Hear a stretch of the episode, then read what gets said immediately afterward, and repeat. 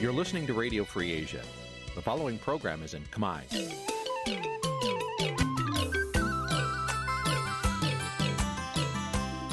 Nǐ chi càm bi tiệp xáy vệt chiu a zì sê ray នេះជាកម្មវិធីផ្សាយរបស់ Vithu Azisari ជាភាសាខ្មែរ វត្តឈូអាស៊ីសេរីសូមស្វាគមន៍លោកអ្នកនាងទាំងអស់ពីរដ្ឋធានី Washington នៃសហរដ្ឋអាមេរិកបាទពីរដ្ឋធានីវ៉ាស៊ីនតោនខ្ញុំបាទសនចាររថាសូមជម្រាបសួរលោកអ្នកនាងអ្នកស្ដាប់វិទ្យុអសីសេរីទាំងអស់ជាទីមេត្រីខ្ញុំបាទសូមជូនការផ្សាយសម្រាប់ព្រឹកថ្ងៃច័ន្ទ800ខែមិញឆ្នាំខាល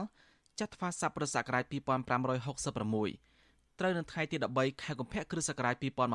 2023បានជាដំបូងនេះ សូមអញ្ជើញលោកអ្នកនាងស្ដាប់ព័ត៌មានប្រចាំថ្ងៃដែលមានមេតិការដូចតទៅ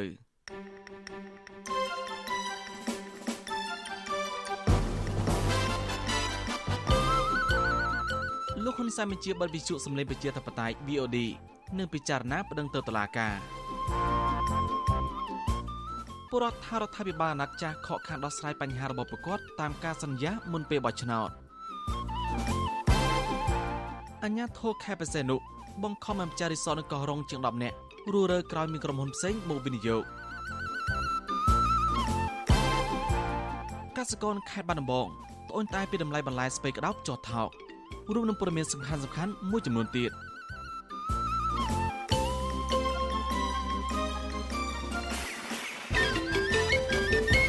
បានជាបន្តទៅនេះខ្ញុំបាទសនចាររថាសូមជូនព័ត៌មានពិស្ដា លោកនាយរដ្ឋមន្ត្រីហ៊ុនសែនបញ្ជាបិទវិទ្យុសម្លេងប្រជាធិបតេយ្យ VD ហើយឲ្យពិនិត្យមើលលទ្ធភាពប្តឹងវិទ្យុនេះទៅតុលាការទៀតផងលោកហ៊ុនសែនបញ្ជាដូច្នេះក្រោយវិទ្យុ VD បានរាយការណ៍ព័ត៌មានថាលោកហ៊ុនម៉ាណែតគុំប្រុសច្បងលោកហ៊ុនសែនជាអ្នកចុះហត្ថលេខាចំនួនឪពុករបស់លោកក្នុងការផ្តល់ជំនួយមនុស្សធម៌ដល់ប្រទេសទូគីការចុះផ្សាយរបស់ VD នេះគឺយោងតាមសម្ដីរបស់លោកផៃសិផានប្រធានអ្នកនាំពាក្យរដ្ឋាភិបាលដែល VD បានសម្ភាស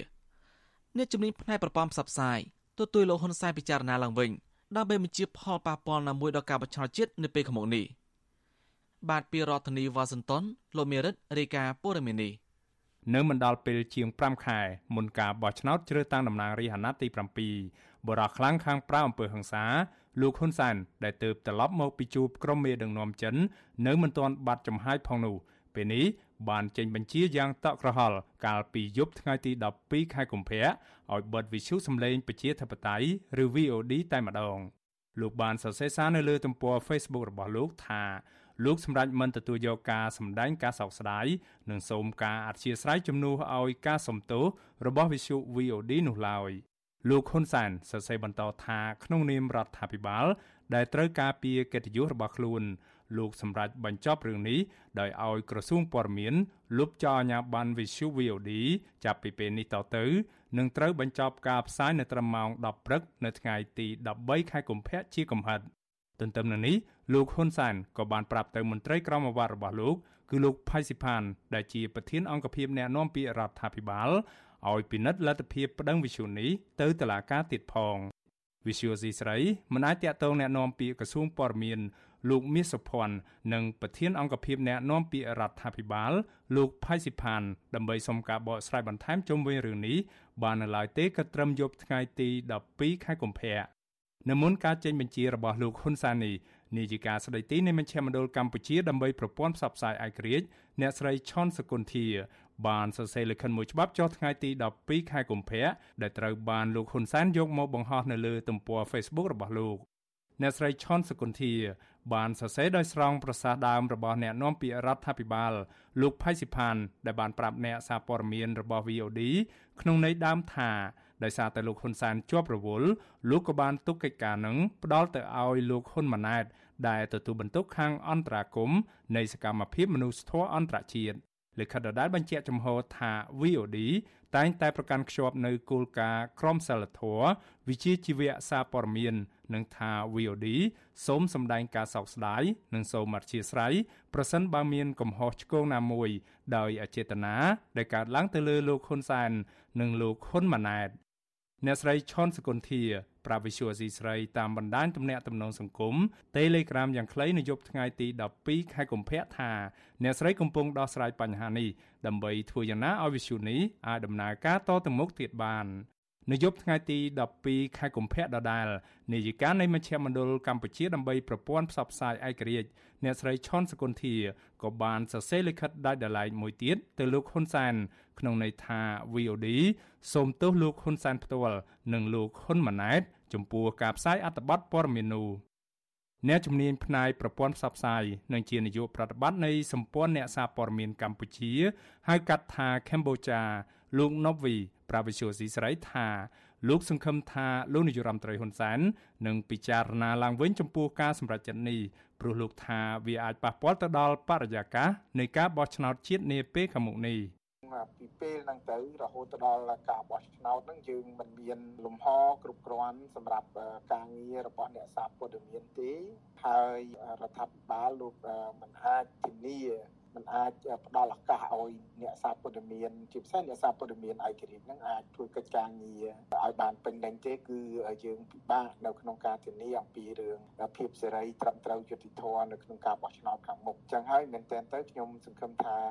ប្រមុខដឹកនាំរដ្ឋាភិបាលលោកនឹងពិនិត្យមើលចំណុចទាំងអស់ហ្នឹងឡើងវិញហើយលោកផ្ដល់នៅកិច្ចការពារក៏ដូចជាការជ្រោមជ្រែងសម្រាប់កិច្ចការងាររបស់អ្នកសារព័ត៌មានជាពិសេសអ្នកសារព័ត៌មានឯករាជ្យដើម្បីឲ្យអាចចូលរួមចំណែកនៅក្នុងកិច្ចការងារក្នុងការផ្តល់ព័ត៌មានជាពិសេសគឺទាក់ទងជាមួយការបោះឆ្នោតក្នុងពេលខាងមុខនឹងជុំវិញរឿងនេះអ្នកសិក្សាផ្នែកច្បាប់លោកវ៉ាន់ចាន់ឡូតហៅប្រតិកម្មរបស់លោកហ៊ុនសែនសម្រាប់បទវិសុ VOD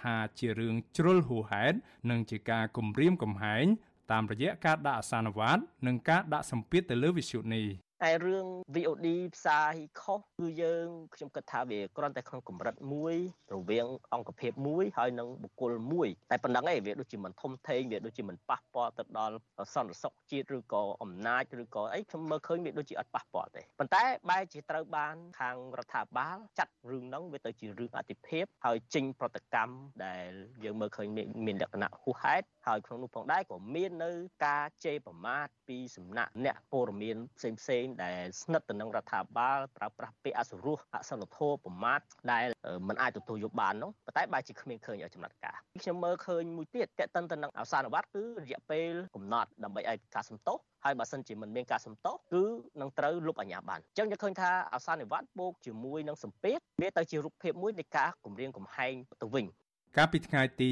9ខែកុម្ភៈ Visual VOD បានចុះផ្សាយព័ត៌មានថា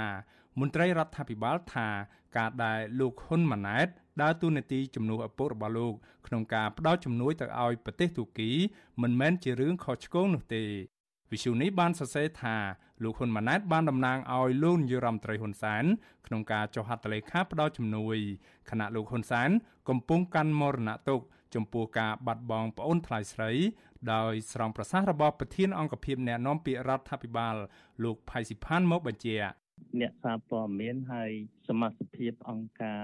មិនមែនរដ្ឋាភិបាលគាត់ឆ្ងល់ហើយគាត់វិបហាទៅលើឯកឧត្តមបណ្ឌិតហ៊ុនម៉ាណែតនោះដែលដូចជាចុះហត្ថលេខាតំណាងសម្ដេចតេជោក្នុងការផ្ដល់ជំនួយនឹងណាផ្អែកតាមខ្លឹមសារនៃសម្រងសម្ដីនេះនិងលិខិតរបស់នាយិកា CCIM លោកផៃស៊ីផានមិនបានបញ្ជាក់ឲ្យច្បាស់ទេថាលោកហ៊ុនម៉ាណែតពិតជាមិនបានចុះហត្ថលេខាលើឯកសារផ្ដល់ជំនួយថវិកាទៅឲ្យប្រទេសទូគីជំនួសឲ្យលោកហ៊ុនសែននោះឡើយផ្ទុយទៅវិញលោកផៃស៊ីផានបានទទួលស្គាល់ថាលោកហ៊ុនម៉ាណែតទទួលបន្ទុកកិច្ចការងារនេះដោយសារតែលោកហ៊ុនសែនជាប់រវល់និងមានទុកជាទម្ងន់ ការឈានទៅសម្រាប់បិទវិទ្យុ VOD ដែលជាស្ថាប័នព័ត៌មានឯករាជ្យចុងក្រោយនៅកម្ពុជានៅពេលនេះនឹងក្លាយជាផ្នែកមួយនៃយុទ្ធនាការជាប្រព័ន្ធរបស់រដ្ឋាភិបាលដែលបានអូសបន្លាយអស់រយៈពេលពេញមួយអាណត្តិទី6នេះនៅក្នុងការបង្ក្រាបប្រព័ន្ធផ្សព្វផ្សាយឯករាជ្យរដ្ឋបិទលំហសង្គមស៊ីវិលគណៈបពប្រឆាំងនិងក្រុមអ្នករិះគន់រដ្ឋាភិបាល កម្ពុជាជាប់លេខ142ក្នុងចំណោម180ប្រទេសនិងដែនដីនៅក្នុងសន្ទុះសេរីភាពសារព័ត៌មានពិភពលោក ឆ្នាំ2022របស់អង្គការអ្នករាយការណ៍ព័ត៌មានគ្មានព្រំដែនឬ Reporters Without Borders ដែលមានមូលដ្ឋាននៅទីក្រុងប៉ារីសនៃប្រទេសបារាំងស្ថាប័នអន្តរជាតិមួយនេះក៏សម្គាល់ថាដោយសារតែការភ័យខ្លាចទៅនឹងលទ្ធភាព ដែលថាលោកហ៊ុនសែនអាចបាត់បង់អំណាចដែលលោកបានកាន់កាប់អស់រយៈពេលជាង30ឆ្នាំមកនោះ លោកហ៊ុនសែនបានចាត់វិធានការមកលើស្ថាប័នសារព័ត៌មានដោយគ្មានត្រាប្រណីនៅមុនការបោះឆ្នោតជាតិខែកក្កដាឆ្នាំ2018ស្ថាប័នដដែលនេះបន្តថាស្ថានីយវិទ្យុនិងកាសែតជាច្រើនត្រូវបានបំបិទមាត់បញ្ឈប់ការផ្សាយខណៈអ្នកសារព័ត៌មានទទួលរងនឹងការធ្វើទុកបុកម្នេញហេតុការណ៍នេះបណ្ដាលឲ្យវិស័យសារព័ត៌មានឯករាជ្យនៅកម្ពុជាត្រូវបំផ្លិចបំផ្លាញខ្ទេចខ្ទីខ្ញុំបាទមេរិត Visual C សេរី ពីរដ្ឋធានី Washington បាទតកតងទៅនឹងការបញ្ជាបិទសារព័ត៌មាន VD នេះពលរដ្ឋដែលនិយមតាមដានព័ត៌មានសោកស្ដាយពេលដឹងថាប្រមុខរដ្ឋាភិបាលហ៊ុនសែនបញ្ជាបិទសារព័ត៌មានសម្លេងប្រជាធិបតេយ្យ VD យ៉ាងតក់ក្រហល់កាលពីយប់ថ្ងៃទី12ខែកុម្ភៈម្សិលមិញស្របគ្នានេះដែរពលរដ្ឋក្រុមអង្គការសង្គមស៊ីវិលនិងអ្នកសារព័ត៌មានបានមហោសារលើបណ្ដាញសង្គម Facebook ប្រងព្រាតភ្លាមភ្លាមទាំងយប់ស្នើសុំរដ្ឋាភិបាលហ៊ុនសែនគុំបិទសារព័ត៌មាន VD នេះ ពួកគេចង់ឲ្យរដ្ឋាភិបាលរក្សាទុកស្ថាប័នព័ត៌មានដែលមានវ័យ20ឆ្នាំនេះដោយសារពួកគេចាត់ទុកស្ថាប័ននេះថាបានបំពេញតួនាទីដែលឯករាជ្យហើយជាទីពំនាក់របស់ប្រជាពលរដ្ឋអ្នកមិនសូវមានសម្លេងហើយភាគីដែលងាយរងគ្រោះនៅក្នុងសង្គមបាទពីរដ្ឋធានីវ៉ាស៊ីនតោនអ្នកស្រីសុជីវីរាយការណ៍ព័ត៌មាននេះការបង្ខំបិទស្ថាប័នព័ត៌មាន VOD យ៉ាងតក់ក្រហល់ពីសំណាក់លោកហ៊ុនសែនពុំបានការសាទរពីបរដ្ឋទូទៅឡើយជាពិសេស អ្នកនិយមតាមដានព័ត៌មានសង្គមនិងនយោបាយជាប្រចាំដោយពួកគេចាត់ទុកទង្វើនេះថាជាការផ្ដាច់ផ្ដាល់ជីវិតសារព័ត៌មានឯករាជ្យឲ្យអស់ពីកម្ពុជាកសិកររស់នៅភូមិជើងឃុំជាំស្រុកមេមត់ខេត្តត្បូងឃ្មុំលោកឆៃវិតប្រាប់វិទ្យុអាស៊ីសេរីថាលោកជាអ្នករស់នៅជាប់ព្រំដែនកម្ពុជាវៀតណាមតែងតាមដានព័ត៌មាន VOD មិនលួសថ្ងៃព្រោះតែចង់ដឹងស្ថានភាពពិតនៅក្នុងសង្គមលោកថាបិទស្ថាប័នព័ត៌មានដែលផ្សព្វផ្សាយការពិតមួយនេះ ស្មើនឹងរដ្ឋាភិបាលបំបិទសិទ្ធិសេរីភាពពលរដ្ឋដែរពួកខ្ញុំរាល់ថ្ងៃនេះដែលជាប្រជាពលរដ្ឋតាមព្រំដែនតាមជនបទខំខ្នះខ្នែងណាស់ព្រោះសំលេងឯករាជ្យសម្រាប់ពួកខ្ញុំស្ដាប់និងតាមដានពីបញ្ហាប្រទេសជាតិពីបញ្ហាសង្គមនិងនយោបាយខ្ញុំយល់ថាការបិទសំលេង POD សំលេងឯករាជ្យនៅពេលនេះ គឺជាការសម្លាប់ទឹកចិត្តរបស់ពួកខ្ញុំមួយដ៏ធំណាស់គឺជាការបិទសិទ្ធិមិនអោយពួកខ្ញុំដឹង ពលរដ្ឋនឹងនៅតាមជនបទសុខស្រែចម្ការនឹងមិនអោយយល់ដឹងពីពីបញ្ហាពិតដែលបានកើតឡើងនៅក្នុងសង្គមខ្ញុំពិតជាសោកស្ដាយណាស់បងបាទតាមអ្វីដែលលោកហ៊ុនសែនបង្ហោះនៅលើ Facebook កាលពីយប់ថ្ងៃទី12ខែកុម្ភៈលោកបង្ខំឲ្យវិទ្យុសម្លេងប្រជាធិបតេយ្យ VOD បញ្ចប់ការផ្សាយរបស់ខ្លួន ត្រឹមម៉ោង10ព្រឹកថ្ងៃទី13ខែកុម្ភៈនេះលោកហ៊ុនសែនចេញបញ្ជាឲ្យរដ្ឋមន្ត្រីក្រសួងព័ត៌មានលុបចោលអាជ្ញាប័ណ្ណវិទ្យុ VOD តែម្ដង លោកហ៊ុនសែនមិនត្រឹមតែមិនទុកពេលឲ្យ VOD តវ៉ារកការពិតរកហេតុផលខុសនឹងត្រូវប៉ុណ្ណោះទេ លោកថែមទាំងណែនាំឲ្យអ្នកនាំពាក្យរដ្ឋាភិបាលលោកផៃស៊ីផាន់ប្តឹងស្ថាប័ននេះទៅតុលាការថែមទៀតស្ត្រីជាពលរដ្ឋនៅភ្នំពេញស្រីនិចលើកឡើងថាអញ្ញាធរគួរតែដោះស្រាយបញ្ហានេះដោយឲ្យសារព័ត៌មានផ្សព្វផ្សាយកែតម្រូវឬចាត់វិធានការតាមច្បាប់សារព័ត៌មាន ដែលមិនគួរឈានដល់ការបិទមិនឲ្យ VOD ផ្សព្វផ្សាយព័ត៌មានតទៅទៀតបែបនេះឡើយស្រីនិចមើលឃើញថាវិទ្យុសម្លេងប្រជាធិបតេយ្យ VOD បានជួយច្រើនដល់ពលរដ្ឋដែលស្វែងរកព័ត៌មាន និងចំណេះដឹងតាមប្រព័ន្ធផ្សព្វផ្សាយ VOD បានផ្ដល់ព័ត៌មានដ៏ជាក់លាក់មួយសម្រាប់ប្រជាពលរដ្ឋឲ្យគាត់មានការយល់ដឹងបញ្ហាសង្គមព័ត៌មានទូទៅចំណេះដឹងទូទៅ ដែលពលរដ្ឋមិនមានឱកាសក្នុងការចូលរួមដោយផ្ទាល់ឬក៏មិនមានឱកាសក្នុងការបញ្ចេញមតិដោយផ្ទាល់ មានការសោកស្ដាយខ្លាំងខ្ញុំទទូចថាបើសិនជារដ្ឋាភិបាលជារដ្ឋាភិបាលមួយដែលប្រកបដោយយុត្តិធម៌កតិធម៌គូណាប្រើយុត្តិវិធីមានការបណ្ដៃអីទៅធម្មតាទៅតាមកិច្ចការរដ្ឋបាលមិនគូណា មានការបិទដោយតក់កុហលបែបនេះពាក់ព័ន្ធនឹងការឈានដល់បញ្ជាឲ្យដកអាជ្ញាប័ណ្ណការផ្សាយរបស់ VOD នេះដំបូងលោកហ៊ុនសែនទុកពេលឲ្យស្ថាប័ននេះ72ម៉ោងបន្ទាប់មកទុកពេលឲ្យ24ម៉ោង ដើម្បីសុំទោសកូនប្រុសគឺលោកហ៊ុនម៉ាណែត និងរដ្ឋាភិបាលរបស់លោក តែទីបញ្ចប់លោកហ៊ុនសែនក៏ប្រែប្រកាសទាំងកំរោលដកអាជ្ញាប័ណ្ណតែម្ដង នៅក្រៅថ្នាក់ដឹកនាំរបស់ VOD បានផ្ញើលិខិតទៅទីស្តីការគណៈរដ្ឋមន្ត្រីដោយប្រើពាក្យថាសោកស្ដាយនិងសូមអធិស្ឋានប្រសិនបើមានកំហុសដោយអចេតនាក្នុងការផ្សព្វផ្សាយព័ត៌មានកាលពីថ្ងៃទី9ខែកុម្ភៈដែលមានចំណងជើងថាមន្ត្រីរដ្ឋាភិបាលថាការដែលលោកហ៊ុនម៉ាណែត ដើរតួនាទីជំនួសឪពុកក្នុងការផ្ដល់ជំនួយឲ្យប្រទេសទូគី មិនមែនជារឿងខុសឆ្គងតកតងនៅរឿងនេះប្រដេចព្រះគុណប៉មសុខៃវណ្ណៈគង់នៅវត្តមួយក្នុងរាជធានីភ្នំពេញ មានថេរដីកាថានេះគឺជារឿងមិនល្អតតែសោះដែលរដ្ឋាភិបាលបង្ខំបិទការផ្សាយរបស់វិទ្យុសម្លេងប្រជាធិបតេយ្យ VOD នៅមុនពេលបោះឆ្នោតបែបនេះប្រដេចប្រគុណត្រៀមចូលរួមការទៀមទារដ្ឋាភិបាលរក្សាទុកស្ថាប័ននេះឲ្យដំណើរការតទៅទៀត ពិតជាសំខាន់មែនទែនសម្លេង VOD យើងឃើញការរស់រៀនរបស់ VOD ហ្នឹងរយៈពេល20ឆ្នាំហើយដែលគាត់មានភាពឯករាជ្យខ្លួនឯងហើយគាត់ផ្សាយអ្វីដែលជាការពិតនៅក្នុងសង្គមប្រជាធិបតេយ្យនិយាយការពិតអញ្ចឹងមិនគួរណាបិទទេអឺអាត្មាភាពនឹងចូលរួមយុទ្ធនាការក្នុងការដើម្បីទទូចឲ្យរាជរដ្ឋាភិបាលគួរគិតពិចារណាឡើងវិញស្របគ្នានេះពលរដ្ឋក្រុមអង្គការសង្គមស៊ីវិលនិងអ្នកសារព័ត៌មាន បានបង្ហោះសារនៅលើបណ្ដាញសង្គម Facebook ប្រងព្រាតភ្លាមភ្លាមទាំងយប់ដែរស្នើសុំរដ្ឋាភិបាលកុំបិទសារព័ត៌មាន VOD នេះពួកគេថែមទាំងចែករំលែកសារប្រហាក់ប្រហែលគ្នាថាសម្លេងប្រជាធិបតេយ្យ VOD សំខាន់នៅក្នុងសង្គមកម្ពុជាបច្ចុប្បន្នពលរដ្ឋជាច្រើនបានបង្ហោះរូប logo របស់ VOD ដោយសរសេរសារភ្ជាប់ថា VOD ជាអ្នកនាំសារពិតជូនពលរដ្ឋនិងរដ្ឋាភិបាលសូមមេត្តាកុំបិទ VOD សូមមេត្តាទុក VOD សម្រាប់អ្នកស្រីឃ្លានព័ត៌មានប្រធានសមាគមអាត6លោកនីសុខាសរសេរថាការពិត ការបិទ VOD គឺមិនខុសពីយកពូថៅទៅវាយបំបែកកញ្ចក់ទឹកដែលឆ្លោះខ្លួនប្រានយើងនោះទេចំណែកប្រធានមជ្ឈមណ្ឌលសិទ្ធិមនុស្សកម្ពុជាអ្នកស្រីចောက်សុភីបដែលទៀមទាមិនអោយបិទ VOD ដែរនោះលើកឡើងថា អ្នកស្រីសង្ឃឹមថាលោកនាយករដ្ឋមន្ត្រីនឹងបើកចិត្តទូលាយព្រោះការសម្ដែងបិទ VOD នេះ ប៉ះពាល់ខ្លាំងដល់សេរីភាពសារព័ត៌មានចំណែកប្រដេចប្រគុណលួនសវ៉ាត បានបង្ហោះសារថាបិទ VOD ដូចជាបិទភ្នែកបិទមាត់ពលរដ្ឋនៅក្នុងនិងក្រៅប្រទេសតកតនៅរឿងនេះពលករខ្មែរនៅប្រទេសកូរ៉េដែលប្រើ Facebook ឈ្មោះបងចិត្តប្រាប់វិទ្យុអាស៊ីសេរីថាលោកបានដឹងព័ត៌មានពិតនៅក្នុងប្រទេសដោយសារតែ VOD ផ្សព្វផ្សាយពលគឺលោកបានដឹងព័ត៌មានដែលកំពុងកើតមានឡើងនៅក្នុងប្រទេស បើទោះបីជាលោកទៅធ្វើការនៅស្រុកគេក្តីការធ្វើកតកម្មនៅ Nagawer ក៏គាត់បានទៅយកសារព័ត៌មានដូចជាការធ្វើនៅទីវិជាតបតៃជាដើមហ្នឹងក៏គាត់បានទៅយកសារព័ត៌មានអញ្ចឹងជាក់ស្ដែងនៅខ្ញុំមិនជាជាប្រវត្តិខ្មែរមិនបាននៅក្នុងស្រុកតែខ្ញុំនៅបាននៅក្រៅក៏បានឃើញទស្សនវិជ្ជាជាក់ស្ដែងនៅពេលដែលគាត់បានទៅយកសារព័ត៌មាននៅផ្សព្វផ្សាយខ្ញុំបានឃើញអញ្ចឹងបងនិយាយដល់ការតវ៉ារបស់ពលរដ្ឋដែលសារព័ត៌មានក្នុងស្រុកទូទៅមិនផ្សព្វផ្សាយនេះ កោតតកនៅ Nagavel កញ្ញាវ៉ាន់រីណាបារម្ភថាព័ត៌មានពិត ដែលជាទុកសោកការឈឺចាប់របស់ពលរដ្ឋដែលរងការរំលោភបំពានផ្សេងផ្សេងដូចជាករណី Nagavel ជាដើមនេះនឹងមិនត្រូវបានផ្សព្វផ្សាយឲ្យបានទូលំទូលាយទៀតទេថាបានសារព័ត៌មានមួយគឺប្រៀបបីដូចជាកញ្ចក់ឆ្លុះបញ្ចាំងពីតថភាពពិតរបស់សង្គមរបស់យើងអញ្ចឹងបើសិនជាបិទនៅសារព័ត៌មានដែលឯករាជ្យ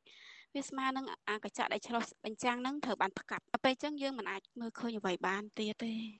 មិនខុសគ្នានេះអ្នកធ្លាប់រងគ្រោះដោយសារតែការរំលោភយកដីធ្លីនៅតំបន់បឹងកក់អ្នកស្រីទេបានីប្រាប់វិទ្យុអាស៊ីសេរីថាកន្លងទៅ VOD តែងតែជួយផ្សព្វផ្សាយពីបញ្ហាដីធ្លី ពីបញ្ហារបស់ជនរងគ្រោះឲ្យពិភពលោកបានដឹង ដែលមិនគួរបិទស្ថាប័ននេះឡើយអ្នកស្រីទេបានីមើលឃើញថាមន្ត្រីពាក់ព័ន្ធ គួរមានការទទួលខុសត្រូវចំពោះការផ្តល់ព័ត៌មានឲ្យអ្នកសារព័ត៌មាន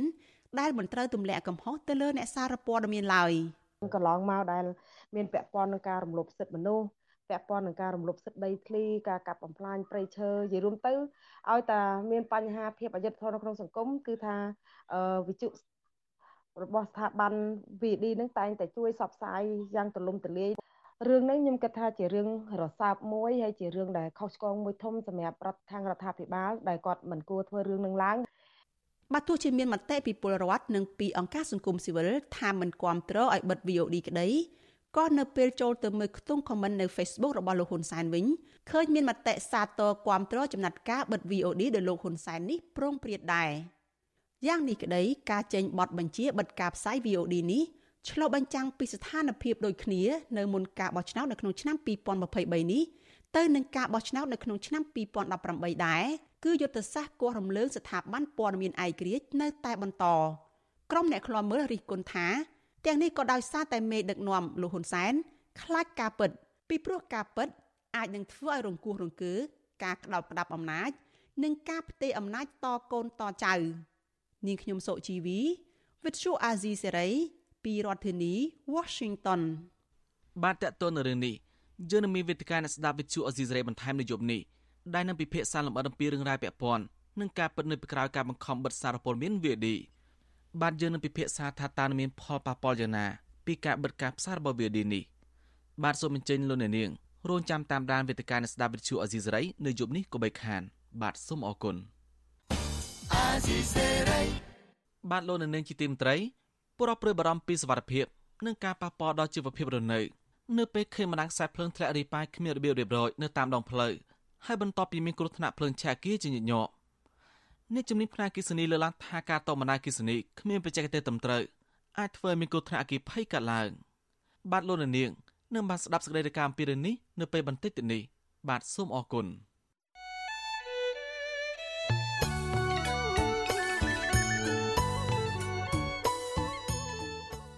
បានលោកនាងជាទីមត្រី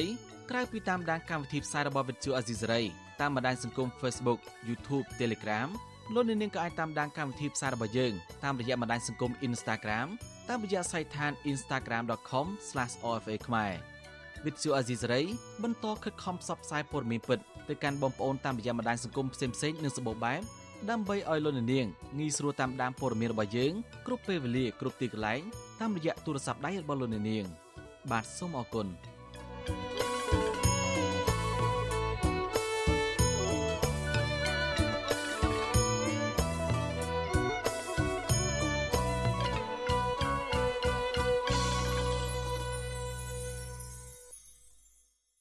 បានលោកនៅនាងជាទីមត្រី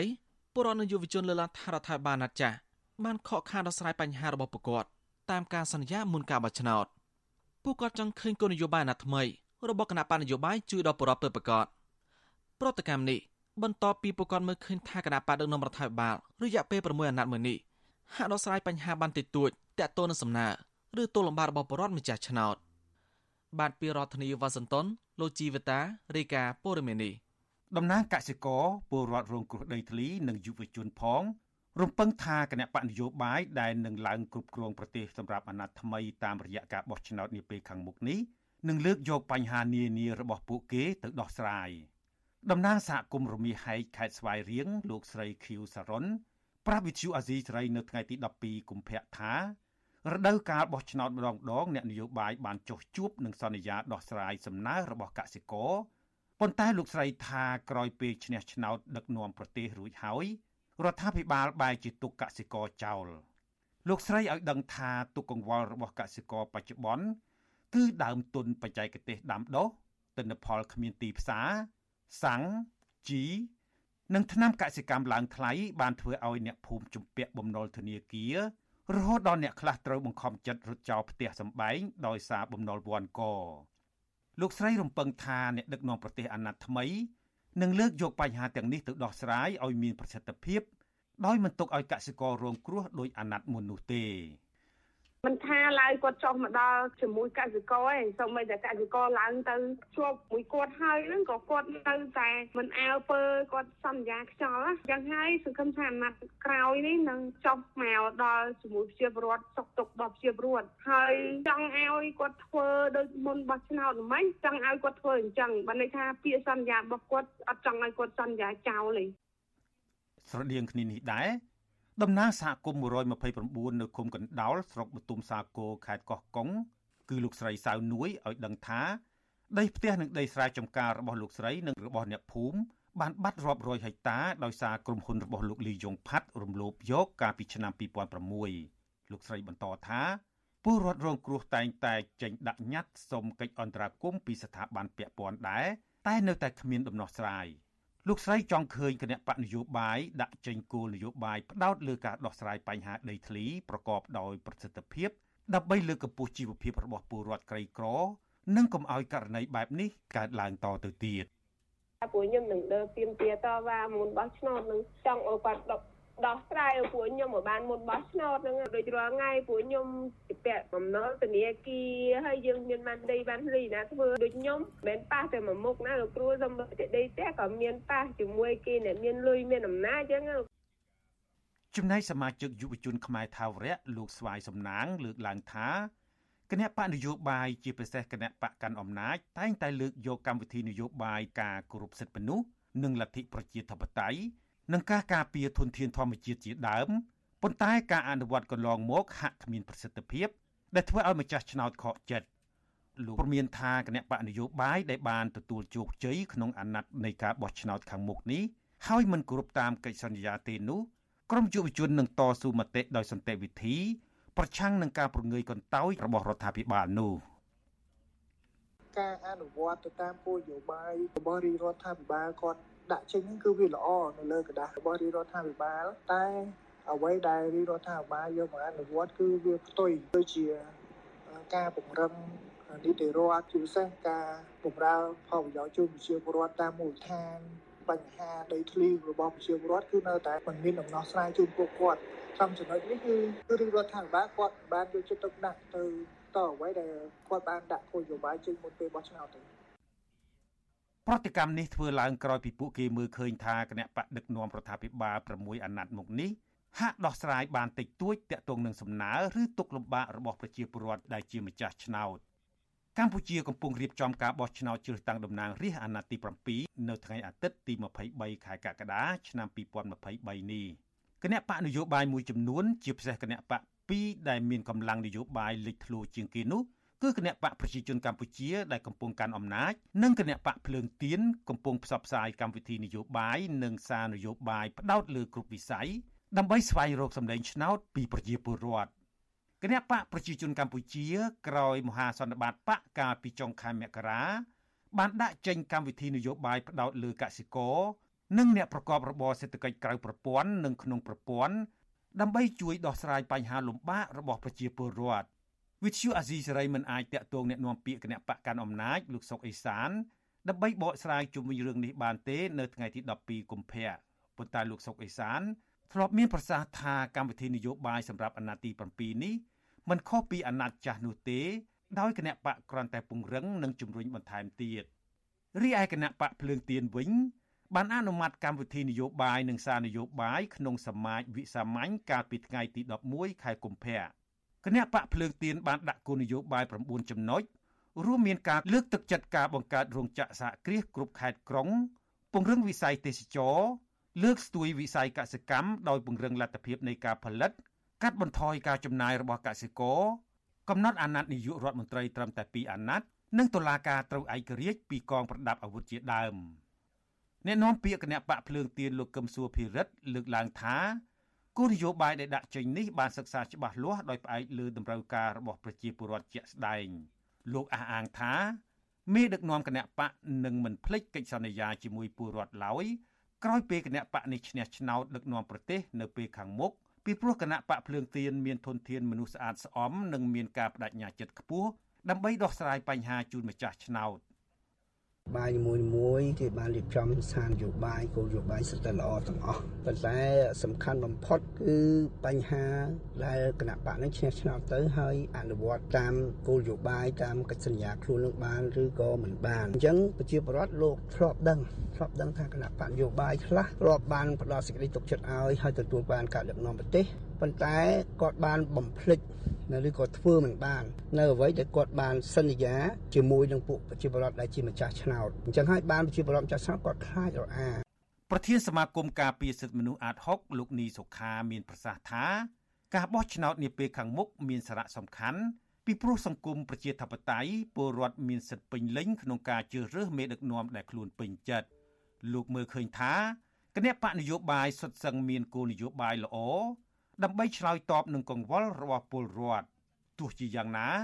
លោកអំពីវនីវដល់ពលរដ្ឋដែលជាម្ចាស់ឆ្នោតគួរពិនិត្យឲ្យបានច្បាស់លាស់មុនធ្វើការសម្រេចចិត្តបោះឆ្នោតឲ្យគណៈបកណាមួយដើម្បីជៀសវាងបញ្ហាកើតឡើងដដែលៗទៀត សិនជាយើងមិនមានការវិភាគមានមានការវិនិច្ឆ័យមិនមានការមិនមានព័ត៌មានក្នុងការវិភាគឲ្យបានគ្រប់ជ្រុងជ្រោយត្រឹមត្រូវទេនោះយើងនឹងជ្រើសរើសអ្នកនយោបាយក៏ដូចជាគណៈបកនយោបាយមិនបានល្អតែកណាយើងជ្រើសរើសអ្នកនយោបាយគណៈបកនយោបាយមិនបានល្អដូច្នេះការដែលឆ្លើយតបត្រឡប់មកវិញក៏វាអត់បានល្អទៅតាមនឹងដែរអញ្ចឹងហើយបានរឿងនេះជារឿងសំខាន់ណាស់សម្រាប់ប្រជាពលរដ្ឋអ្នកវិភាគនយោបាយសង្កេតឃើញថានៅមុនពេលបោះឆ្នោតម្ដងម្ដង គណៈបកប្រជាជនកម្ពុជា តែងតែបង្ហាញគោលនយោបាយឬកម្មវិធីនយោបាយយកចិត្តទុកដាក់ចំពោះក្រុមគោលដៅដែលមានសម្លេងឆ្នោតច្រើន ដូចជាកសិករកម្មករអាជីវករនិងយុវជនជាដើមប៉ុន្តែក្រោយការបោះឆ្នោតម្ដងម្ដង ពួកគេសង្កេតឃើញថាក្រុមគោលដៅទាំងនោះ នៅតែជួបបញ្ហាជាច្រើន ជាពិសេសកសិករខ្ញុំជីវិតាអាស៊ីសេរីបាទលោកនៅនាងជាទីមត្រី សាស្ត្រាចារ្យផ្នែកប្រវត្តិសាស្ត្រលោកសម្បូរម៉ាណារ៉ាថ្លែងថាលោកមានមោទនភាពចំពោះការតែងតាំងជាទីប្រឹក្សារបស់នាយករដ្ឋមន្ត្រីហ៊ុនសែនប៉ុន្តែលោកបញ្ញាថាមិនបដូរសច្ចភាពនៅក្នុងការបង្រៀនប្រវត្តិសាស្ត្រពិតនោះទេរីឯសកម្មជនសង្គមបារម្ភថាបញ្ចវន្តរំនេះអាចនឹងឡើងសើហ៊ាននិយាយរឿងប្រវត្តិសាស្ត្រពិតហើយនឹងបដូរទៅជានិយាយភាសាលើសរសើរនឹងការពីលោកហ៊ុនសែនបើទោះបីជាមេដឹកនាំរំនេះកំពុងរងការរិះគន់ថាកំពុងដឹកនាំប្រទេសតាមបែបប្រកានិងរំលោភសិទ្ធិមនុស្សយ៉ាងណាក្តី សាស្ត្រាចារ្យផ្នែកប្រវត្តិសាស្ត្រនៅសាកលវិទ្យាល័យបញ្ញាសាស្ត្រកម្ពុជាលោកសម្បូរមណ្ឌរាកំពុងតែរំភើបបន្ទាប់ពីព្រះមហាក្សត្រតែងតាំងជាទីប្រឹក្សារបស់នាយករដ្ឋមន្ត្រីហ៊ុនសែនកាលពីថ្ងៃទី9ខែកុម្ភៈតាមការស្នើសុំរបស់លោកហ៊ុនសែនផ្ទាល់លោកសម្បូរមណ្ឌរាមានប្រសាសន៍ប្រាប់វិទ្យុអេស៊ីសរ៉ៃថ្ងៃទី11កុម្ភៈថាលោកពិតជាមានការភ្ញាក់ផ្អើលហើយមានមោទនភាពចំពោះការតែងតាំងមកតំណែងជាទីប្រឹក្សានាយករដ្ឋមន្ត្រីនេះលោកបញ្ជាក់ថាបើទោះបីជាលោកទទួលបានមកតំណែងនេះក៏ដោយ ក៏លោកខិតខំប្រឹងប្រែងចែករំលែកចំណេះដឹងសំខាន់សំខាន់ផ្នែកប្រវត្តិវិទ្យាដើម្បីយុវជនមានចំណេះដឹងពិតប្រាកដសាស្ត្រាចារ្យប្រវត្តិសាស្ត្ររំនេះបញ្ជាក់ថាលោកមិនផ្លាស់ប្ដូរអរិយាប័ត្រឬក៏សច្ចភាពរបស់លោកក្នុងការបង្រៀនប្រវត្តិសាស្ត្រពិតដល់យុវជនចំនួនក្រោយទេខ្ញុំអាចនិយាយបានសម្រាប់បង្ហាញប្រាប់នៅមោទនភាពជាសច្ចភាពប្រវត្តិសាស្ត្រជូនទៅលោកដំណើរដំបូងរបស់ខ្ញុំគឺ ក្នុងវិសាលភាពនៃសន្តិភាពដែលមាន25ឆ្នាំកន្លងមកនេះគឺយើងត្រូវគិតអំពីធនធានមនុស្សជាតិធ្វើយ៉ាងម៉េចឲ្យមនុស្សខ្មែរទាំងអស់នោះទៅជាធនធានជាតិមានមនសិការនិងឧត្តមគតិនិងគុណធម៌សិលធម៌ដើម្បីជាតិលោកសមូមណ្ឌរាធ្លាប់ជាគ្រូបង្រៀននៅសាលាភូមិន្ទភ្នំពេញលើឯកទេសប្រវត្តិសាស្ត្រនៅឆ្នាំ1983ហើយបន្តមកលោកបានបដូរទៅបង្រៀននៅសាកលវិទ្យាល័យបញ្ញាសាស្ត្រកម្ពុជា ចាប់ពីឆ្នាំ2002ដល់បច្ចុប្បន្នគិតដល់ឆ្នាំ2023នេះ មានរយៈពេល40ឆ្នាំហើយដែលលោកបានក្លាយជាគ្រូបង្រៀនមួយវិជ្ជាប្រវត្តិសាស្ត្របើទោះបីជាណាការទទួលបានទូនាទីជាទីប្រឹក្សាលហ៊ុនសែននៅពេលនេះបន្ទាប់ពីមួយរយៈពេលចុងក្រោយនេះលោកសម្បូរមណ្ឌរា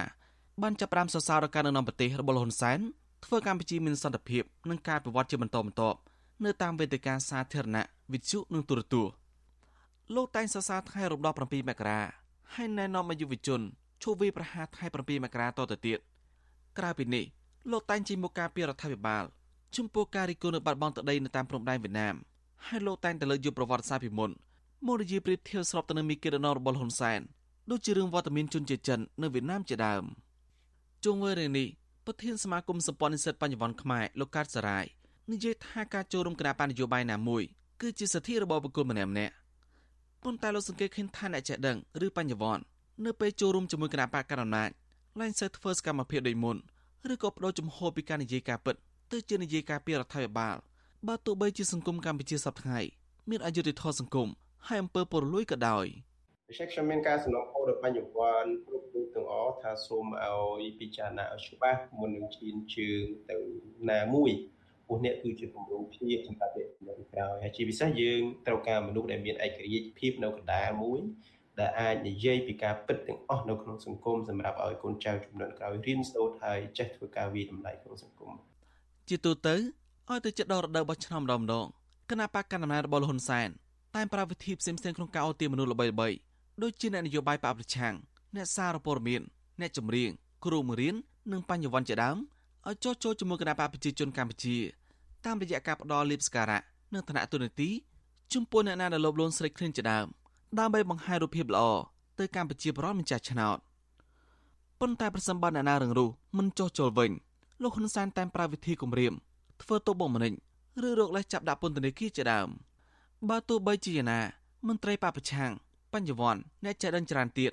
នៅតែរសារចំហឯករាជ្យហហើយសោកចិត្តជាប់ពន្ធនាគារដោយមិនលះបង់ឧត្តមគតិទៅបម្រើផលប្រយោជន៍ក្រុមគ្រួសារលហ៊ុនសែនដឹកនាំប្រទេសតវងតកូលតទៅទៀត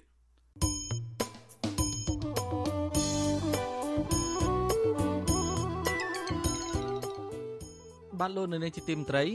ដំណើរគ្នានឹងស្ដាប់ការផ្សាយរបស់វិទ្យុអេស៊ីសេរីតាមបណ្ដាញសង្គម Facebook និង YouTube លោកនៅនាងក៏អាចស្ដាប់ការផ្សាយរបស់វិទ្យុអេស៊ីសេរីតាមវិទ្យុរលកធាតុអាកាសខ្លីឬ Shortwave តាមកម្រិតនិងកម្ពស់ដូចតទៅនេះ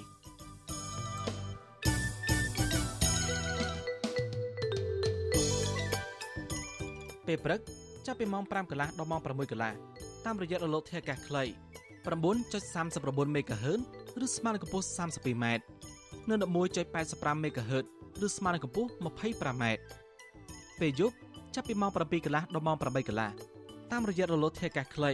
9.39 MHz ឬស្មើនឹងកម្ពស់ 32m ឬ15.15 MHz ស្មើនឹងកម្ពស់ 20m និង11.88 MHz ស្មើនឹងកម្ពស់ 20m បាទសូមអរគុណ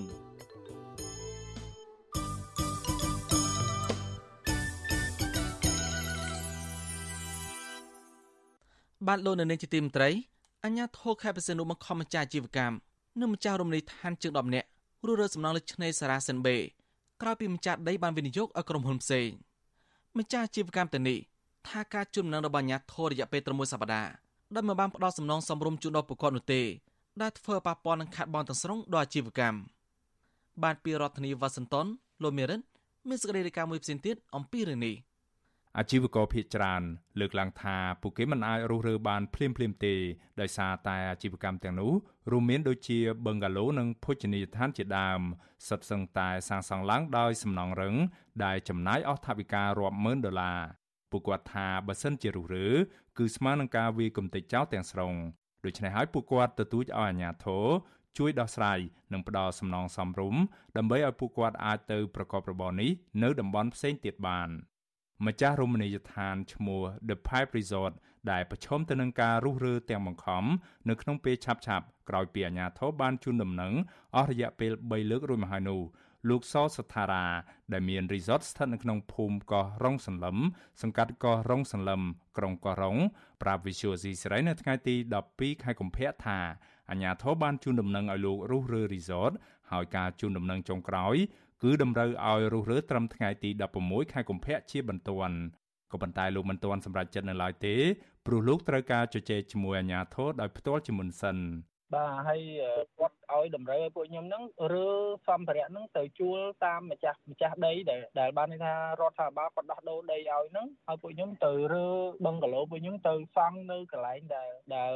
ទីតាំងដែលគាត់ចែកឲ្យម្ចាស់ដីដោះដូរឲ្យម្ចាស់ដីប៉ុន្តែពួកខ្ញុំរស់រើយ៉ាងមិនកើតបងបឹងកាឡូពួកខ្ញុំសិតតែថ្មហ្នឹងបងឲ្យរស់រើទៅវាខូចអស់ហើយស្មើនឹងសង់ថ្មីហ្នឹងហើយគាត់អត់មានសំណងសងពួកខ្ញុំខ្លះសោះហើយណាមួយពួកខ្ញុំខាតបង់ពេលកូវីដអស់3ឆ្នាំហើយបងពេលកូវីដពួកគាត់អត់មានជូនដំណឹងអីសោះគ្រាន់តែពួកខ្ញុំខាតបង់កូវីដនឹងអស់លុយមិនក្រោម100,000ដុល្លារបងហើយគ្រាន់តែកូវីដចាប់ភ្លាមពួកខ្ញុំចាប់ផ្ដើមបើកអាជីវកម្មបាន12ខែគាត់ឲ្យរុះរើបណ្ដោយ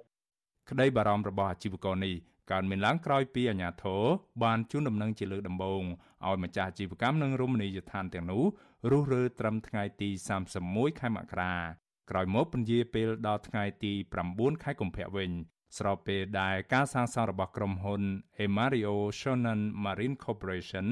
និងក្រុមហ៊ុនកោះរងសន្លឹម Resort បានចាប់ផ្ដើមហើយគេសង្កេតឃើញថា excavator បន្តឈូសឆាយនៅលើកោះនេះកាលពីចុងសប្តាហ៍មុនក៏ប៉ុន្តែក្រោយមកការកំណត់ឲ្យរុះរើបានពន្យាពេលទៅវិញរហូតដល់ថ្ងៃទី16ខែកុម្ភៈម្ចាស់រីសតនិងភោជនីយដ្ឋានទាំងនោះបានឲ្យដឹងថាការជូនដំណឹងរបស់អាជ្ញាធរកាលពីពេលថ្មីៗនេះ អាជ្ញាធរមិនបានមកជជែករកដំណោះស្រាយជាមួយពួកគាត់ដោយផ្ទាល់នោះទេដោយឡែកអាជ្ញាធរបានបញ្ជូនក្រុមការងាររបស់ខ្លួនឲ្យដើរបាញ់ថ្នាំតាមជណ្ដើរបឹងហ្គាឡូនិងភោជនីយដ្ឋាននានានៅទីនោះដែលធ្វើឲ្យភ្ញៀវទេសចរជាច្រើនលុបចោលការកក់កន្លែងស្នាក់នៅ និងភ្ញៀវខ្លះទៀតបន្តចាក់ចេញជាបណ្ដាបណ្ដាពួកគាត់បន្តថាមុនការដើរបាញ់ថ្នាំឲ្យរុះរើរបស់អាជ្ញាធរមានភ្ញៀវទេសចរជាច្រើនបានមកលេងកម្សាន្ត ក៏ប៉ុន្តែពេលនេះភ្ញៀវទេសចរស្ទើរតែទាំងស្រុងត្រូវបាត់បង់ដោយសារតែពួកគេបារម្ភពីសុវត្ថិភាពចំណែកឯម្ចាស់អាជីវកម្មឈ្មោះ Dolphin Bay Resort ឈ្មោះ Veria ដែលបានបើកអាជីវកម្មទេសចរមួយនេះតាំងពីឆ្នាំ2015ចាត់ទុកការជូនដំណឹងឲ្យរុះរើរបស់អាជ្ញាធរនេះថាលឿនពេកស្របពេលដែលលោកនិងអាជីវករជាច្រើនអ្នកទៀតដែលនៅទីនោះបានចំណាយពេលវេលានិងថវិកាអស់ច្រើន លោកថាអាជីវករភៀសច្រើននៅទីនោះបានចំណាយដើមទុនពី30,000ដុល្លារទៅជាង40,000ដុល្លារទម្រាំអាចបើកអាជីវកម្មបែបទេសចរនេះបាន។ ក្រុមហ៊ុនគាត់បាន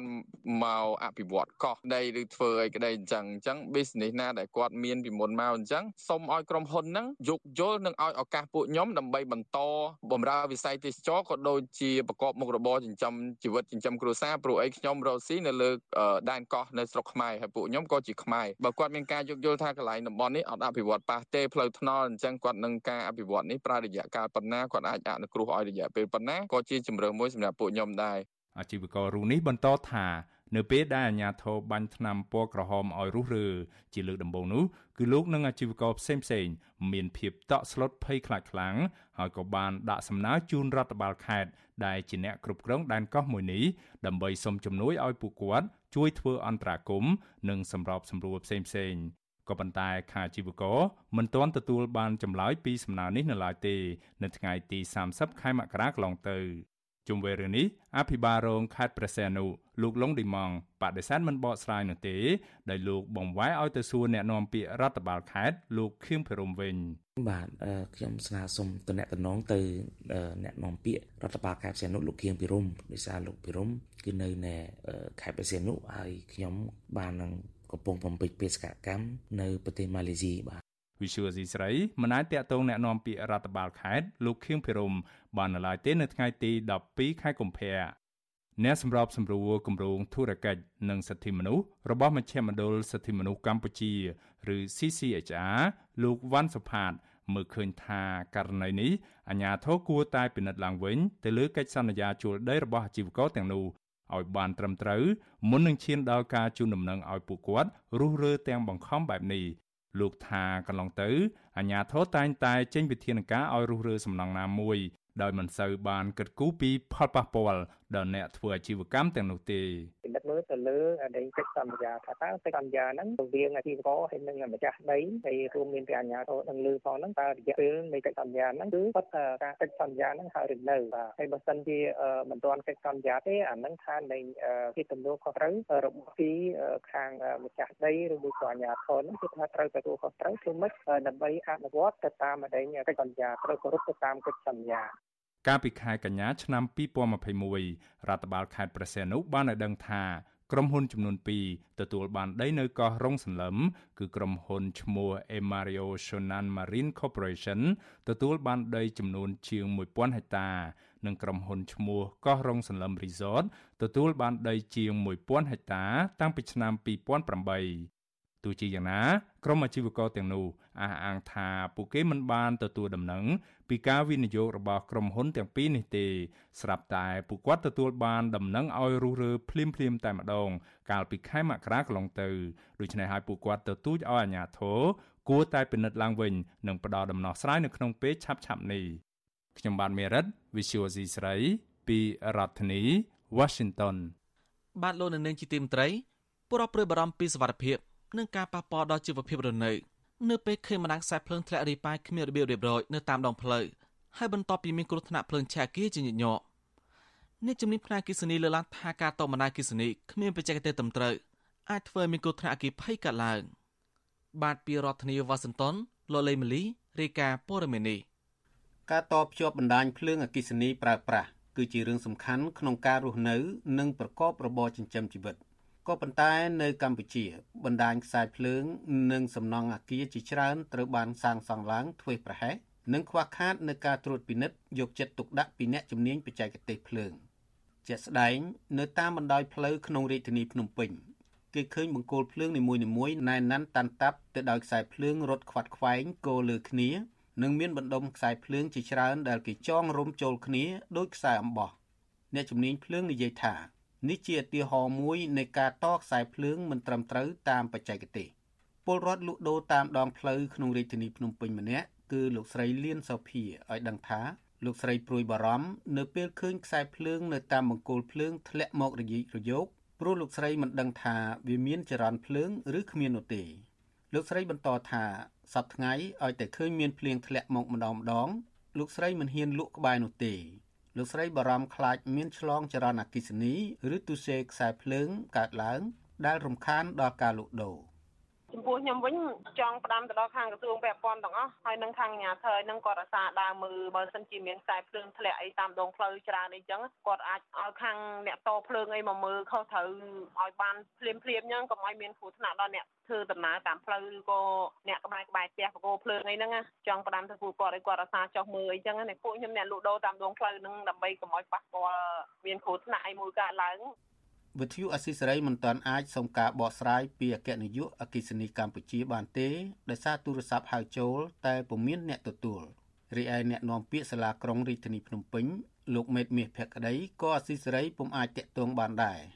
កាលពីយប់ថ្ងៃទី28ខែធ្នូឆ្នាំ2022អគិភ័យដ៏ធំមួយបានឆាបឆេះកាស៊ីណូ Grand Diamond និងអគារប៉ោយប៉ែត Resort ស្ថិតក្នុងក្រុងប៉ោយប៉ែតខេត្តបន្ទាយមានជ័យអាជ្ញាធរអះអាងថា មូលហេតុដែលបណ្ដាលឲ្យឆេះបនលបែងទាំងពីរនេះគឺដោយសារការឆ្លងចរន្តអគ្គិសនីនៅទីតាំងជាន់ខាងក្រោមអគ្គិភ័យនេះបានសម្លាប់មនុស្សចំនួន26នាក់គ្រួសារជនរងគ្រោះលោកខឹមវងដែលបាត់បង់ប្រពន្ធជាទីស្រឡាញ់ក្នុងករណីភ្លើងឆេះនេះរៀបរាប់ថាលោកពិតជាឈឺចាប់ជាពិសេសក្រោយពេលលោកដឹងថាសមត្ថកិច្ចអសមត្ថភាពក្នុងការជួយសង្គ្រោះជីវិតប្រពន្ធរបស់លោក និងជនរងគ្រោះដទៃទៀតលោកបញ្ជាក់ថា នេះក៏ដោយសារម្ចាស់កាស៊ីណូធ្វេសប្រហែសក្នុងការរៀបចំខ្សែភ្លើង និងមិនបានបំពាក់ប្រព័ន្ធការពារអគ្គិភ័យនៅកន្លែងកាស៊ីណូធំធំអញ្ចឹងគេមានប្រព័ន្ធទឹកដុតលើបដានគេហ្នឹងគេមានប្រព័ន្ធអាឡាមគេហ្នឹងគឺឲ្យតែមានផ្សែងនេះទឹកដែលនៅលើបដានហ្នឹងមកទៅវារុញមកបាញ់ពលុតសើមទាំងអស់ ហើយអ្នកឆេះបានយើងធ្វើកាស៊ីណូទាំងមូលដែរយើងអត់មានប្រព័ន្ធអញ្ចឹងទេការផលិតឡានអីក៏ទីចៅទីអីកាស៊ីណូធំធំនេះឲ្យគាត់មានអាការប្រុងប្រយ័ត្នខាងហ្នឹងតិចទៅព្រោះវាបាត់បង់ប្រព័ន្ធកូនគ្រួសារទៅជីចាប់ទៅស្រដៀងគ្នានេះដែរសាច់ញាតិជនរងគ្រោះបាត់ខ្លួនក្នុងករណីឆេះអគារកាស៊ីណូ Grand Diamond City លោកហៀងប៊ុននឿនដែលមិនទាន់បានទទួលដំណឹងពីអាជ្ញាធរថាប្អូនថ្លៃរបស់លោកស្លាប់ឬក៏រស់នៅឡើយនោះប្រាប់វិទ្យុអស៊ីសេរីថា ការធ្វេសប្រហែសរបស់អាជ្ញាធរពាក់ព័ន្ធដែលក្នុងនោះរួមទាំងការមិនបានត្រួតពិនិត្យការបំពាក់ខ្សែភ្លើងឲ្យបានត្រឹមត្រូវនោះគឺជាការឈឺចាប់របស់ជនរងគ្រោះនិងជាបទពិសោធន៍ដែលរដ្ឋាភិបាលគួរយកធ្វើជាមេរៀនបាទអានេះជាកត្តាខ្វះខាតរបស់អ្នកគ្រប់គ្រងអាគារនេះឯងអូនបើសិនជាអ្នកដែលគេទទួលខុសត្រូវខាងអាគារមកគេបរៀនឧទាហរណ៍ថា មួយអាទិត្យគេទៅរៀនម្ដងអារឿងបាញ់អារឿងអីអាគីភ័យហ្នឹងគេទៅរៀនរហូតដល់ដល់នេះអាអ្នកចេះចេះវាអត់មាននៅផងវានៅតែអ្នកអត់ចេះហ្នឹងអ្វីត្បិតតែធម្មពលអគិសនី ជាផ្នែកមួយនៃការរស់នៅ និងជាផ្នែកដ៏សំខាន់ក្នុងការអភិវឌ្ឍប្រទេសធម្មពលអគិសនីក៏អាចបង្កឲ្យមានគ្រោះថ្នាក់ដែរបើអ្នកប្រើប្រាស់គ្មានការប្រុងប្រយ័ត្នសាស្ត្រាចារ្យផ្នែកអគិសនីនៃវិទ្យាស្ថានពហុបច្ចេកទេសភូមិភាគដេជោសែនលោកឌុចសរិទ្ធមានប្រសាសន៍ថា កត្តាដែលនាំឲ្យមានការឆ្លងចរន្តអគ្គិសនីឬទុសេខ្សែភ្លើង មានច្រើនកត្តាកត្តាទី1គឺការដំឡើងបណ្ដាញអគ្គិសនីមិនទៅតាមបច្ចេកទេសទី2មិនបានសិក្សាលើបន្ទុកប្រើប្រាស់ធ្វើឲ្យលើសបន្ទុកឧទាហរណ៍អ្នកប្រើប្រាស់បានតភ្ជាប់ធម្មពលអគ្គិសនី10អម្ពែប៉ុន្តែប្រើរហូតដល់20អម្ពែទី3តកតងនឹងការជ្រើសរើសប្រភេទខ្សែភ្លើង ឬមុខកាត់ខ្សែដែលតូច និងប្រើប្រាស់ខ្សែចាស់ចាស់ ទី4ការជ្រើសរើសឧបករណ៍ប្រើប្រាស់គ្មានស្តង់ដារមិនទៅតាមការណែនាំនិងកត្តាចម្បងនោះគឺប្រជាពលរដ្ឋខ្វះការយល់ដឹងក្នុងការតបណ្ដាញអគ្គិសនី បើតាមជំនាញបច្ចេកទេសផ្ទាល់តែម្ដងមុនធ្វើការដំឡើងទី1យើងត្រូវមានប្លង់ទី2ឆ្លងកាត់ការកណនីទៅលើបន្ទុកប្រើប្រាស់ឲ្យបានត្រឹមត្រូវមុននឹងយើងដំឡើងបណ្ដាញគិសនីបន្ទាប់មកទៀតយើងធ្វើការកណនីមុខកាត់ខ្សែគុណភាពល្អដូចហើយការកណនីនឹងត្រឹមត្រូវអស់ហើយគឺយើងផ្ដោតសំខាន់ទៅលើការរត់បណ្ដាញបាទរត់បណ្ដាញនឹងគឺត្រូវការជាងជំនាញផ្ទាល់បាទទៅ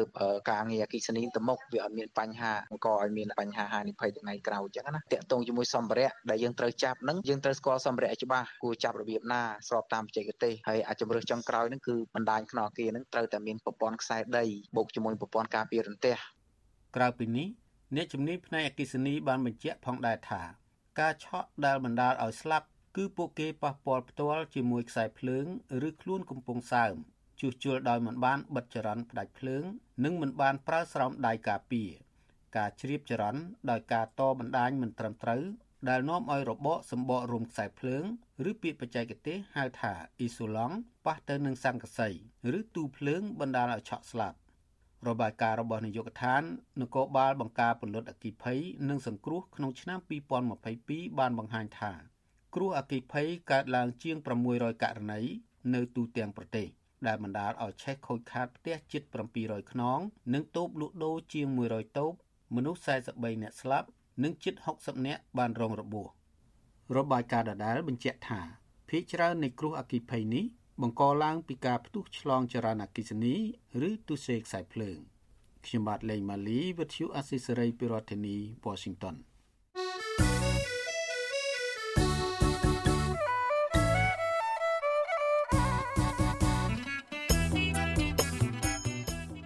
បាទលោកនៅនាងជាទីមត្រី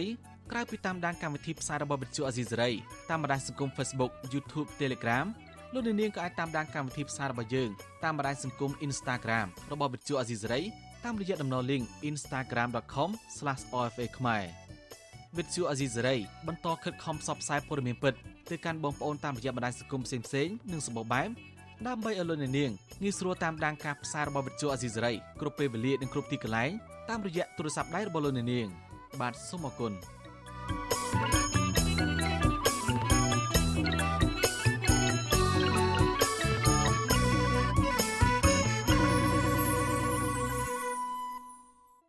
បានលោកនៅនាងជាទីមត្រីប្រជាកសិករនៅស្រុកសំឡូតខេត្តបាត់ដំបងត្អូញតែពីដំណៃស្ពៃក្តោបចោតថោក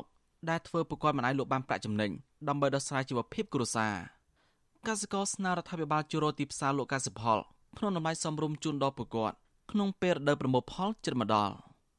បានពីរដ្ឋធានីវ៉ាស៊ីនតោនអ្នកស្រីសុជីវីរាយការណ៍ព័ត៌មាននេះកសិករនៅក្នុងស្រុកសំឡូតសោកស្ដាយដែលបន្លែស្ពៃក្តោបរបស់ពួកគាត់លក់បានតម្លៃថោកធ្វើឲ្យប្រជាកសិករជាច្រើនប្រឈមនឹងការបោះបង់ការដាំដំណាំប្រភេទនេះកសិករនៅស្រុកសំឡូតម្នាក់គឺលោកពនរ៉ូបាំងលោកប្រាប់វិទ្យុអាស៊ីសេរីនៅថ្ងៃទី12ខែកុម្ភៈថារយៈពេល2ខែមកនេះស្ពៃក្តោបបន្តធ្លាក់ថ្លៃខ្លាំង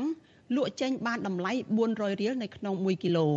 ហើយក៏ពិបាកនឹងរកទីផ្សារលក់កសិផលប្រភេទនេះទៅទៀតហើយក៏គ្មានអ្នកទិញដែលធ្វើឲ្យលោកខាត់ដើមទុនហើយជំពាក់ធនាគារវ៉ាន់កលោកបញ្ជាក់ថានៅក្នុងមួយថ្ងៃលោកបានចំណាយប្រាក់1លានរៀលសម្រាប់ជួលកម្មករចំនួន30នាក់ដូច្នេះបើតម្លៃស្ពៃក្តោបនៅតែចុះថោកដូច្នេះលោកគ្មានទឹកចិត្តបន្តដាំដុះតទៅទៀតទេនៅឆ្នាំក្រោយកសិកររូបនេះអះអាងថា មូលហេតុដែលធ្វើតម្លៃស្ពៃក្តោបបន្លែនៅក្នុងស្រុកចុះថ្លៃនេះគឺដោយសារតែកម្ពុជានាំចូលបន្លែពីបរទេសជាពិសេសវៀតណាមនិងថៃច្រើនពេកដែលធ្វើឲ្យប៉ះពាល់ទៅដល់តម្លៃបន្លែនៅក្នុងស្រុក។ រដ្ឋាភិបាលហ្នឹងគឺគាត់អាចចងក្រងរបៀបណាមួយសម្រាប់គ្រប់គ្រងដីប្រភេទដាំដំណាំ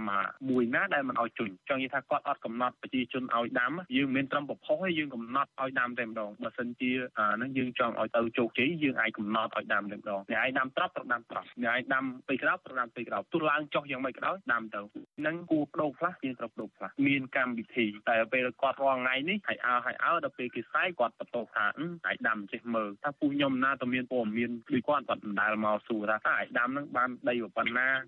លោកពូនរបាំងដែលដាំស្ពៃក្តោបនោះគឺគាត់ដាំនៅលើផ្ទៃដីជាង10ហិកតានិងបានចំណាយប្រាក់ចន្លោះពី2000ទៅ3000ដុល្លារនៅក្នុង1ហិកតាហើយនៅតំបន់នោះមានចំនួនជិត100គ្រួសារដែលប្រកបរបរដាំស្ពៃក្តោបនេះពួកគាត់ប្រឈមនឹងខ្សែធនហើយនឹងគ្មានដើមទុនដាំដំណាំនេះតទៅទៀត ហើយប្រជាពលរដ្ឋខ្លះទៀតក៏ប្រឈមនឹងបាត់បង់ការងារធ្វើពីព្រោះគាត់គឺជាកម្មករស៊ីឈ្នួលដកស្ពៃចាឆ្លើយតបទៅនឹងបញ្ហានេះចាអនុប្រធានមន្ទីរកសិកម្មខេត្តបាត់ដំបងលោកអឹមសវណ្ណមនីមានប្រសាសន៍ថាកសិករគួរតែចេះជ្រើសរើសប្រភេទដំណាំ និងមើលពីតម្រូវការទីផ្សារនៅមុនពេលដាំដុះជៀសវាងការដាំបន្លែប្រភេទតែមួយចាធ្វើឲ្យពេលដែលប្រមូលផលព្រមគ្នានោះជាហេតុបណ្ដាលឲ្យតម្លៃស្ពៃក្តោបនោះចុះថោក ជានេះទៅទៀតលោកថាកសិករគឺត្រូវតែរកទីផ្សារនិងកំណត់តម្លៃខ្លួនឯងទើបកសិផលនោះលក់បានតម្លៃខ្ពស់បន្ថែមពីនេះលោកលើកទឹកចិត្តឲ្យប្រជាកសិករខ្ចីប្រាក់ពីធនាគារអភិវឌ្ឍជនបទនិងកសិកម្មដែលមានការប្រាក់សមរម្យដែលអាចផ្ដល់ឲ្យកសិករដែលខ្វះដើមទុនធ្វើកសិកម្ម នៅក្នុងរឿងនេះខ្ញុំគិតថាអឺឲ្យបងប្អូនដែលប្រជាកសិករកុំធ្វើអីនៅក្នុងការដែលនេះតាមគ្នាបានយើងធ្វើការដែលធ្វើស្ពៃក្តោបបានយើងធ្វើស្ពៃក្តោបក៏ធ្វើខ្លះប៉ុន្តែយើងធ្វើប្រភេទដំណាំអីខ្លះនៅក្នុងការដែលគ្រប់គ្រងទៅលើទីផ្សារជុំវិញរឿងនេះប្រធានសម្ព័ន្ធសហគមន៍កសិករកម្ពុជាហៅកាត់ថា CCFC លោកថេងសាវឿនយល់ថា ក្រសួងកសិកម្មអសមត្ថភាពនៅក្នុងការដោះស្រាយបញ្ហាជូនប្រជាកសិករហើយបែរជាមកបន្ទោសកសិករដែលប្រមូលផលព្រមគ្នាទៅវិញលោកថាបញ្ហាដំណាំមិនអាចហាមឃាត់ឲ្យវាឈប់លូតលាស់បានទេនៅពេលដែលកសិករបានដាំដុះរួចទៅហើយលោកបន្តថារដ្ឋាភិបាលមិនគួរលើកទឹកចិត្តឲ្យកសិករទៅខ្ចីធនាគារទេព្រោះបច្ចុប្បន្ននេះពួកគាត់ក៏កំពុងតែជួបជីវភាពលំបាកទៅហើយ លោកស្នើរដ្ឋាភិបាលឲ្យពន្លឿនដោះស្រាយតម្លៃស្ពៃក្តោបចុះថោកនេះដើម្បីឲ្យកសិករមានលទ្ធភាពលក់កសិផលយកប្រាក់សងបំណុលធនាគារនិងផ្គត់ផ្គង់ជីវភាពគ្រួសារយ៉ាងម៉េចឲ្យដំណើរការនៃផលិតផលទីផ្សារផលិតផលកសិកម្មរបស់បងប្អូនប្រជាពលរដ្ឋកសិករហ្នឹងត្រូវតែមានទីផ្សារលក់សមរម្យហើយពិសេសគឺធ្វើសម្រាប់ឲ្យមានការរៀបចំចែកចាយហើយគឺជារឿងសំខាន់មួយវិញទៀតក្នុងការចែកចាយនៃផលិតផលហ្នឹងក៏រឿងជារឿងសំខាន់ដែរ ចារបាយការណ៍របស់ក្រសួងកសិកម្មកាលពីចុងឆ្នាំ2022បង្ហាញថាកម្ពុជាបាននាំចូលបន្លែជិត3000តោននៅក្នុងមួយថ្ងៃមួយថ្ងៃដោយសារតែផលិតកម្មបន្លែនៅក្នុងស្រុកមានបញ្ហាប្រឈមជាច្រើនមិនអាចផ្គត់ផ្គង់តម្រូវការនៅក្នុងប្រទេសបានគ្រប់គ្រាន់ ក្រសួងថាការនាំបន្លែពីក្រៅប្រទេសដោយសារតែកម្ពុជាមានបញ្ហាបច្ចេកទេសដាំដុះសម្ភារៈកសិកម្មថ្លៃនិងគ្រោះធម្មជាតិទើបវិស័យឯកជនបាននាំចូលបន្លែពីក្រៅស្រុកបន្ថែមដើម្បីមកបំពេញតម្រូវការសង្គមស៊ីវិលនិងប្រជាពលរដ្ឋតែងលើកពីបញ្ហាកង្វះទីផ្សារមិនត្រឹមតែដំណាំស្ពៃក្តោបនោះទេមានដូចជាទីផ្សារត្រសក់ស្វាយទុរេនមៀននិងស្រូវជាដើមដែលគ្មានទីផ្សារលក់នៅក្នុងតម្លៃសមរម្យ ហើយពលរដ្ឋជួបទុក្ខលំបាកនៅក្នុងផ្នែកជីវភាពប្រចាំថ្ងៃរហូតពេលខ្លះមានអ្នកបោះបង់ការដាំដុះហើយនាំគ្នាធ្វើចំណាក់ស្រុកដើម្បីដោះស្រាយជីវភាព នាងខ្ញុំសុជីវីវិទ្យុអាស៊ីសេរីពីរដ្ឋធានី Washington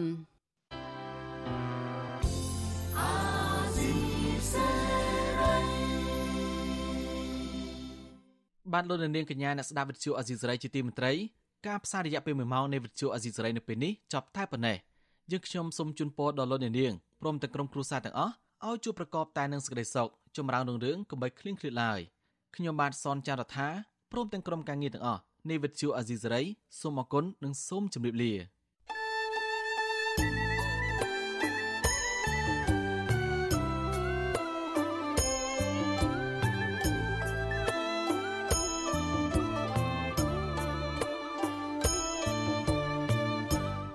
ទ្យុអាស៊ីសេរីផ្សាយតាមរលក ធារកាសខ្លីឬ shortwave តាមកម្រិតនិងកម្ពស់ដូចតទៅនេះ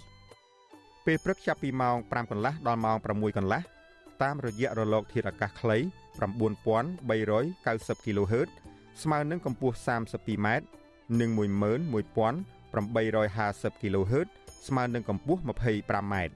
ពេលយប់ចាប់ពីម៉ោង7កន្លះដល់ម៉ោង8កន្លះតាមរយៈរលកធារកាសខ្លី